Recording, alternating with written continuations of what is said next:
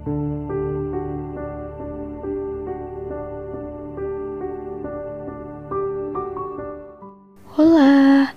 shalom adik-adik. Gimana kabarnya? Kak Winda berharap kalian senantiasa dalam lindungan Tuhan.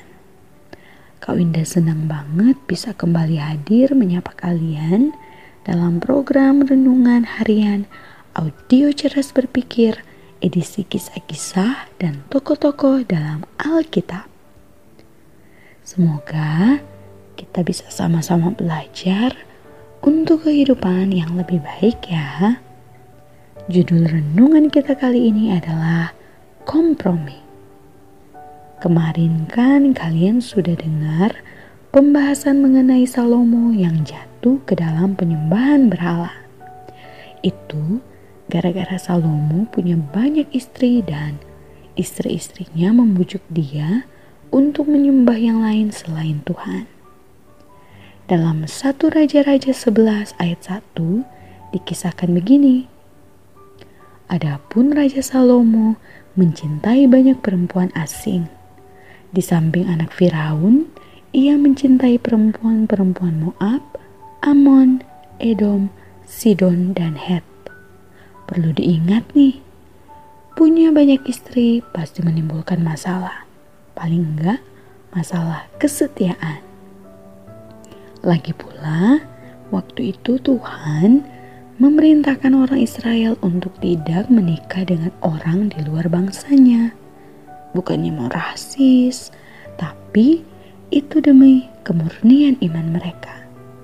Soalnya waktu itu orang di luar bangsa Israel menyembah selain Tuhan dan orang Israel bisa dibujuk untuk berpaling dari Tuhan. Dan ternyata sejak awal pernikahan Salomo itu udah keliru. Ayat tadi kan kasih tahu kita bahwa Salomo punya istri seorang anak Firaun, anak Raja Mesir. Nah, pernikahan itu sudah sejak lama. Satu Raja-Raja 3 ayat 1 mengisahkan gini. Lalu Salomo menjadi menantu Firaun Raja Mesir. Ia mengambil anak Firaun dan membawanya ke kota Daud sampai ia selesai mendirikan istananya dan rumah Tuhan dan tembok sekeliling Yerusalem. Itu terjadi bahkan sebelum Salomo berdoa meminta hikmat kepada Tuhan. Entahlah apa yang ada di benak Salomo sehingga dia melanggar perintah Tuhan. Mungkin pikirnya, gak apa-apalah aku menikahi orang di luar Israel. Aku kan raja, aku kan kepala rumah tangga. Jadi istriku nanti yang nurut sama aku. Dia yang harus menyembah Tuhanku, bukan aku yang harus ikut menyembah dewanya. Mungkin loh ya. Hmm. Apa pun yang ada di benak Salomo, yang jelas dia udah berkompromi terhadap pelanggaran firman Tuhan. Kompromi yang Kak Winda maksud adalah sikap menyetujui atau memaklumi sesuatu yang sifatnya bertentangan. Begitu juga dalam kehidupan kita. Ini bukan soal boleh atau enggaknya kalian menikah dengan suku atau bangsa ketika dewasa kelak.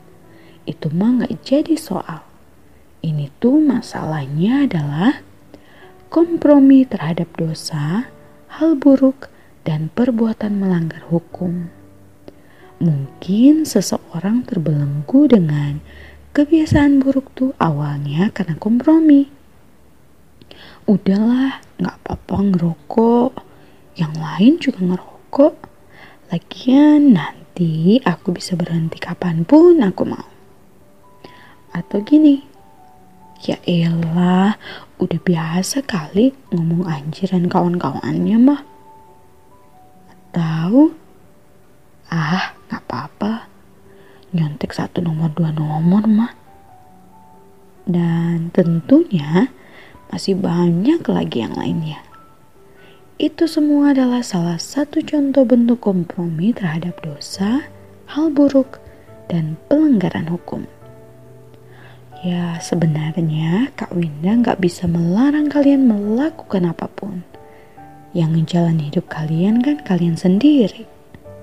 Kak Winda cuma mau mengingatkan aja bahwa kita sebagai orang Kristen diarahkan untuk hidup dengan kualitas karakter yang agung dan yang elegan. Jadi, ayo kita sama-sama berusaha nggak kompromi sama dosa, hal buruk dan perbuatan melanggar hukum, mumpung kita belum terikat di dalamnya. Bagi yang sudah terlanjur terikat, hari ini Kak Winda mau kasih tahu kabar baik.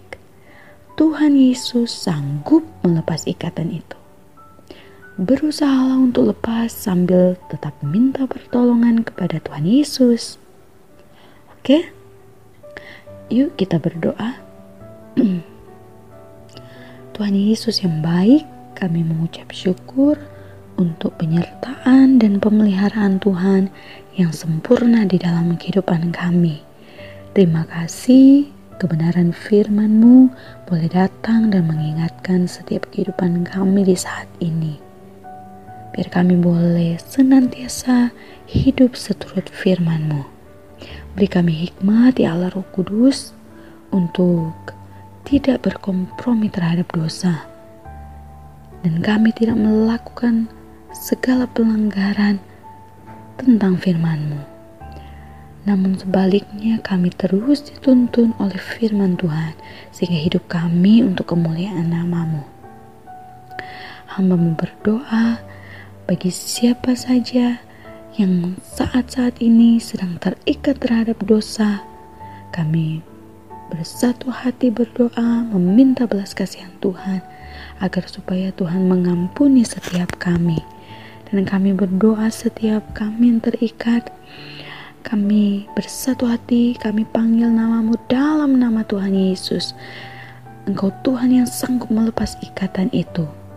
Dan kami percaya ketika kami dengan sungguh minta pengampunan dari Tuhan kami pasti dilepaskan Terima kasih Tuhan, biar hidup kami hidup yang berbuah dan kami pakai hidup kami untuk mempermuliakan namamu. Berkatmu atas kehidupan kami, keluarga kami, bahkan dalam studi tugas pelayanan kami, Engkau memberkati. Kami senantiasa jadi berkat bagi banyak orang, nama Tuhan yang dipuji dan dipermuliakan. Terpujilah Engkau Allah kami yang hidup, kekal sampai selama-lamanya. Kami berdoa dan mengucap syukur dalam nama Tuhan Yesus. Haleluya. Amin. Oke, Kak Winda pamit ya. Tetap sehat, tetap semangat, dan tetap jadi berkat. Jangan lupa bahagia ya. Tuhan Yesus memberkati.